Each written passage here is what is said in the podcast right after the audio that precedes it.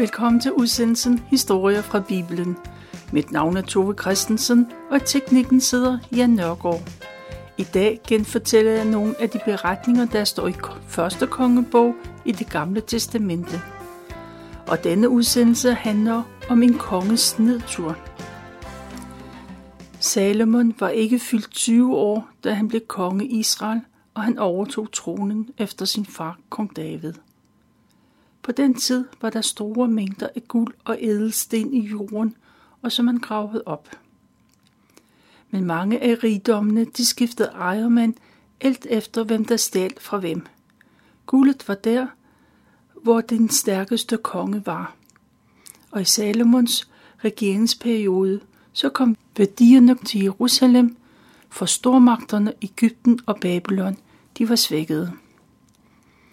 Efter Salomons død forsvandt meget af guldet igen fra Jerusalem, for Ægypterne kom og plyndrede byen. Men det syn blev Salomon forskånet for. Det var hans søn, der måtte se store værdier forsvinde, og endnu senere så kom der andre og tog resten af værdierne. Salomon var rig, og han brugte enorme summer hver år, for han havde en stor familie og holdt et stort hof. Det krævede store mængder af mad, for hver dag blev der brugt 10 ton mel, og man slagtede 150 får og kvæg. Og så fik man lejlighedsvild øh, vildt med, øh, som gazeller, hjorte og gæs. Salomon satte leverancerne af mad i system. En måned af gangen skulle de 12 israelitiske distriktsguvernører sørge for mad til Salomon og hans hof. Og de sørgede samtidig for, at der kom hø og korn til de mange tusind heste, der var i de kongelige stalle. Salomon var ikke i tvivl om, at det var Gud, der gav ham al den materielle velstand. Men han satte endnu større pris på den usædvanlige visdom og indsigt, han også havde fra Gud. Salomon skrev poesier og visdomsord. I Bibelen, i ordsprogenes sprog, så står der, øh, eller Samuel, Salomon han skrev, Velsignede er de, der vinder visdom. Lykkelige er de, der opnår indsigt. Hvad de vinder er vigtigere end sølv. Det de opnår er bedre end guld. Visdom er mere værd end juveler. Ingen skatte kan måle sig med den. Og Salomon han vidste meget om alle mulige slags dyr og planter. Hans visdom overgik langt både Østens og Ægyptens vismænd. Salomon var forfatter til 3000 årsprog, og han skrev 1000 sange. Derudover skrev han flere bøger, og han delte gerne ud af sin viden og indsigt. Salomon fik både rigdom og visdom, da han var helt ung. Men desværre så endte hans liv ikke som det begyndte. Salomon har været konge i Israel i 20 år, og i al den tid har Israel kun oplevet fremgang og landet blomstre. Men det er ikke alle israelitter, der har glæde og gavn af det økonomiske opsving. De mener, at der bliver på alle måder bliver frosset i Jerusalem, samtidig med, at de selv lever i fattigdom. Men de klager aldrig. De bider det i sig og glæder sig over, at de bor i et trygt og fredeligt land. Et land, der nyder stor respekt i hele den kendte verden. I de sidste 20 år har Salomon bygget et stort øh, tempel og et palads til sig selv. Han bruger store summer og utrolige mængder af guld til byggerierne, og han lægger meget energi og omtanke i de projekter. Både templet og paladset bliver bygget til at ære Gud, og det mål har Salomon altid for øje. Da det hele er færdigt bygget og taget i brug, så skal Salomon beslutte, hvad han skal bruge resten af livet til. Han er 40 år og står midt i livet. Alle muligheder står åbne for den rige og dygtige konge. Salomon har nået toppen af sin karriere, og hans liv er i faste rammer. Han kan risikere at komme ind i en midtvejskrise. På det tidspunkt taler Gud til ham. Gud minder Salomon om vigtigheden i, at han bliver ved med at tro på Gud. Hvis han holder fast i Guds befalinger, så vil Gud altid være med ham, og der vil altid sidde en fra slægten på Israels trone.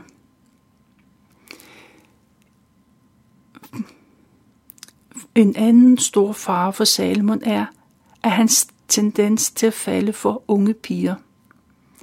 Gud siger, han ikke må, lade, øh, øh han ikke må tage sig hustruer, der kommer fra andre lande. Han skal holde sig til de israelske piger. Gud kender Salomon og hans svaghed for eksotiske kvinder.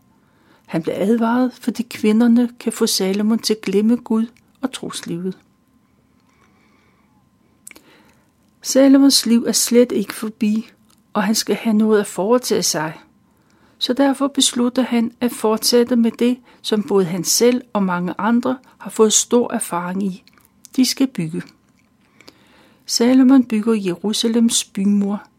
Den gamle eksisterende bymur blev højere og stærkere, og man forlænger muren, så den også går rundt om paladset og templet. Når bymuren er færdig, så genopbygger han de israelitiske byer, der gennem tiden er blevet ødelagt af krige og af røverbander. Men Salomon er ikke nær så engageret i det, som han var i tempel. Det meste af tiden, så er han oppe på sit palads. Han sidder på sin trone og regerer landet og tager imod statsbesøg. Han har god tid og han bliver interesseret i de smukke unge udenlandske piger. Salomon får øje på øh, kvinderne, som er helt anderledes end hans egne er. I mange år har han været gift. Han har flere koner, blandt andet en egyptisk prinsesse. Salomon er ikke begrænset at kun have en eller få hustruer. Han kan have lige så mange, som han vil – og har råd til. Og nu har Salomon både tid og råd til at tage flere hustruer. Han husker Gud i sin midtvejs krisetale. Han blev advaret om ikke at tage hustruer fra andre lande. Men det er ikke let for Salomon, for der kommer mange udenlandske konger og fyrster og rigmænd til Jerusalem, og de tager deres unge, ugifte døtre med. De vil gerne have dem gift med Israels magtfulde konge. Salomon kan ikke modstå de tiltrækkende piger, og han gifter sig med dem alle. I hvert fald med mange af dem. Til sidst har han 700 kroner. Derudover har han andre 300, som man kalder for medhustruer. De er nu nærmest hans elskerinde. Det er sandsynligvis slavepiger, som han er blevet gift med. Derfor har de ikke en hustrus rettigheder. De unge, nu gifte piger kommer til Salomons palads med deres egen kultur og med deres egen tro. Det er en tro, der på mange måder er anderledes end Salomons. Uden at ville det, så inviterer Salomon sin værste fjende ind i sit eget hus – afguderne kom ind i hans liv. Salomon gør sådan set ikke andet end det, han har set i sit eget hjem, for hans far, kong David, var også gift med udenlandske kvinder.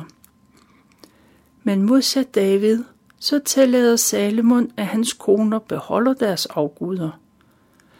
De har hver deres husalter og afguder med sig hjemmefra.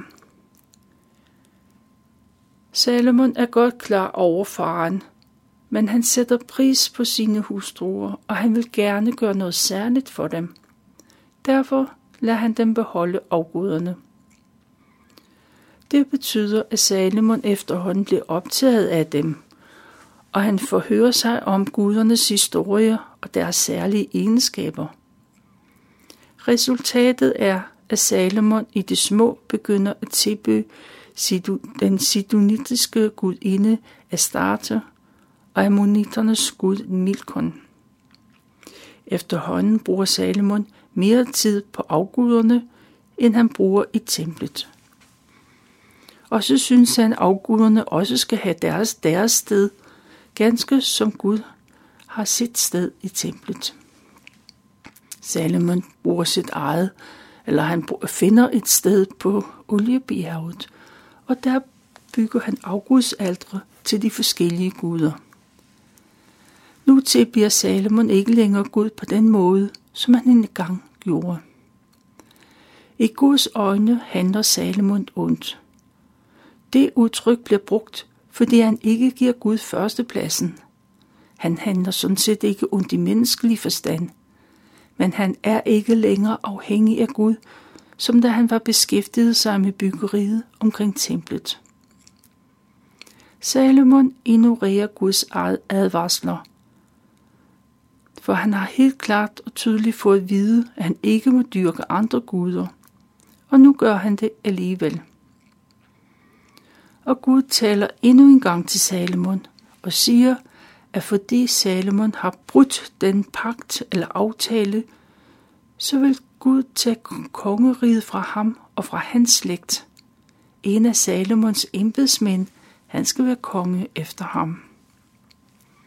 Salomon hører Guds dom, og det gør ondt helt ind i hans sjæl. For Salomon har helt bestemt regnet med, i Israel vil der altid være en konge i hans slægt. Men den drøm kan slutte her. For Gud har afsat dom.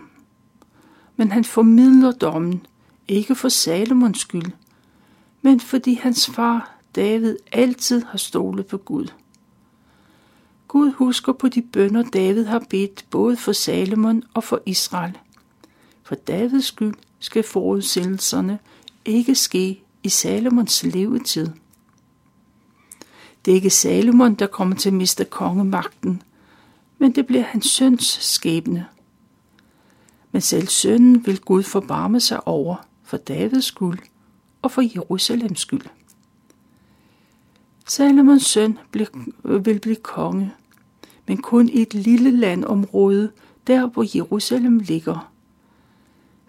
Salomons store imperie, det vil forsvinde. Salomon har indtil nu kun haft medgang som konge. Alt er lykkedes for ham, og ingen har tur angribe Israels ydre grænser. Der er også været enighed blandt landets ledere, for ingen satte sig op imod Salomon. På alle måder har det været en fredelig tid. Fordi Salomon er begyndt at tippe afguder, så tillader Gud, at der kommer ud fred i landet. Det begynder med Hadad. Han er en edonitisk kongeslægt. Hans historie er den, at da han var lille, så kom Israels hær og indtog landet. Det var Joab, der var herfører på det tidspunkt. Det udviklede sig til et stort slag, og der var mange døde på begge sider. Da israelitterne trak sig tilbage, så var der ikke ret mange idonitter tilbage. Her fører Joab, han samlede resterne af Israels hær, og de tog tilbage til slagmarken, og der begravede de deres døde kammerater.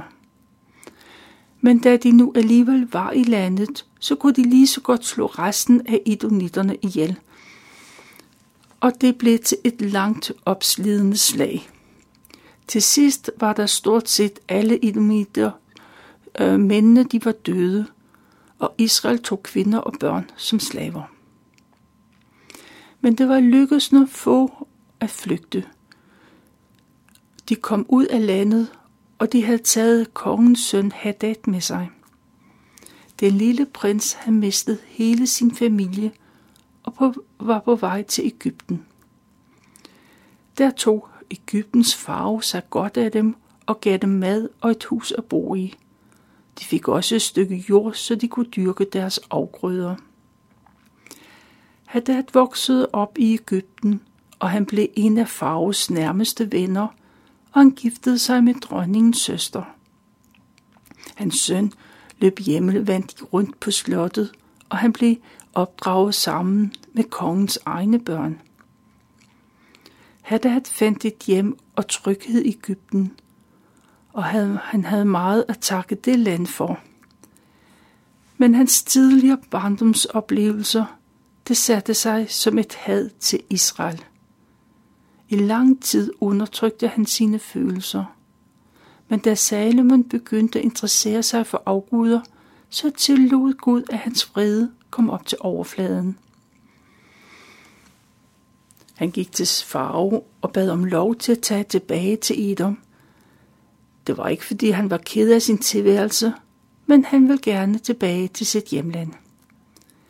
Hadad slog sig ned i sit barndomshjem, eller barndomsland, og der samlede han mænd omkring sig, og de ventede på det rigtige tidspunkt til at gøre oprør imod Salomon. Rison han er en anden af Samuels fjender, for han har også oplevet Davids stærke her på tæt hold. En gang var han officer i landet øh, Soba, og der kom til kamp med, med David, og de tabte. Det lykkedes for Rezon at flygte sammen med en del andre krigere, men han kom sig aldrig over det nederlag, og det satte sig som et had i ham. I stedet for at være en dygtig og vældig officer, så øh, etablerede han sig som røverhøvding. Han og hans røverbande blev mere og mere populære. Til sidst lykkedes det for ham at indtage Damaskus, og der blev han udråbt som byens konge. De to mænd kontrollerede store landområder, og det kunne give Salomon problemer. For kong Rezon havde kontrol over Damaskus og over landet Aram, der ligger øst for Israel. Og Hadad opholder sig i Edoms land, og han er meget tæt på Israels sydlige landegrænse. De to fjendtlige nabolande gør, at Israel er blevet meget sårbar. Jerobiam, han er den tredje af Samuel, Salomons fjender. Hans far er en af Salomons embedsmænd, og han selv er en lovende ung mand. Jerobiam hjælper med at genopbygge fæstningsanlægget i Jerusalem, og han reparerer skaderne på den gamle bymurs. Kong Salomon opdager, hvor dygtig og arbejdsom Jerobiam var. Derfor blev han forfremmet, og han får ansvaret for de arbejder, der genopbygger Manasse og Efraims stammeområder. På det tidspunkt så kommer Jerobiam til Jerusalem, og en tidlig morgen så går han ud af Jerusalems byport og hen ad vejen. Tilfældigvis er der ingen i nærheden, da han møder en Guds profet. Profeten stansede Jerobiam, og for øjnene af den undrende mand, så tager profeten sin nye yderkjortel af og river den i 12 stykker. Som altid, så taler profeten i billeder, som er fuld af symboler. Han giver Jerobiam 10 af de 12 stykker stof og siger, at Gud vil rive Israel ud af Salomons hånd, for han har svigtet Gud. Han dyrker flere forskellige afguder, samtidig med, at han offrer i Guds tempel. Fordi øh, Salomon gør sådan, vil Gud tage kongemagten fra ham og give den til Jerobiam. Men Jerobiam, han får kun 10 stammeområder, ikke hele landet. For Salomons søn skal bo i Jerusalem og være konge for Juda og Simeons stammer. Gud vil straffe David og Salomons efterkommere, men ikke for altid. De vil komme til at lide, men de vil ikke blive udslettet. Men profeten har mere at sige, for når Jerobiam han bliver konge i, i, i Nordriget, så kan han få lov til at gøre, øh, hvad han vil. Men han skal adlyde Gud og handle efter Guds bud, sådan som David gjorde. Til gengæld vil Gud velsigne Jerobiam og hans efterkommere, så der altid vil være konge i de ti nordlige stammer. Jerobiam står sammen med profeten der uden for Jerusalem. De er alene, da Gud taler til Jerobiam. Men det er alligevel en betydningsfuldt. For Gud siger øh, det samme til Jerobiam, som han har sagt til de tidligere konger. For han kan blive det næste øh, lige så betydningsfuld, som David engang var. Og han kan grundlægge en ny kongeslægt. Igennem Israels konger vil Gud vise både israelitterne og alle andre, at Gud er med dem, der tror på ham. Han vil vise, hvordan det går dem, der ikke tror. Profeten har afleveret sit budskab, og Jerobiam han står alene tilbage. Hans fremtid er lige pludselig helt anderledes, end den var, da han stod op den samme morgen. Israel har haft tre konge. Alle tre, Saul, David og Salomon, blev også kaldet til konger i al hemmelighed. Og de blev ydmyge og lod det være op til Gud, hvornår og hvordan de kom til magten. Men Jerobiam, han er ikke ydmyg. Af sig selv fortæller han om mødet med profeten og hvad der blev sagt. Rygterne går i Jerusalem, og også Salomon hører, at Gud har valgt Jerobiam til konge. Salomon bliver både bange og vred, for han synes, hans egen position er truet. Og så får han sine mænd til at slå Jerobiam ihjel. Men det mislykkedes, men han bliver klar over, at hans liv er i fare, så han pakker sine ting og sin familie sammen, og de tager sydpå. De søger tilflugt hos kongen i Ægypten, og der bliver han forløbig. Salomon, han sidder i sit palads, og han kan se tilbage på sit liv. Han er ikke fyldt år. Han er ikke fyldt 60 år, men han har været konge i Israel i 40. Han har fået mange og rige gaver af Gud, og han har gjort Jerusalem til en rig og betydningsfuld hovedstad. Han har skrevet en lang række sange og sang, salmer og visdomsord. Men de visdomsord, han senere i livet ikke helt selv har kunne leve op til, for han glemte Gud.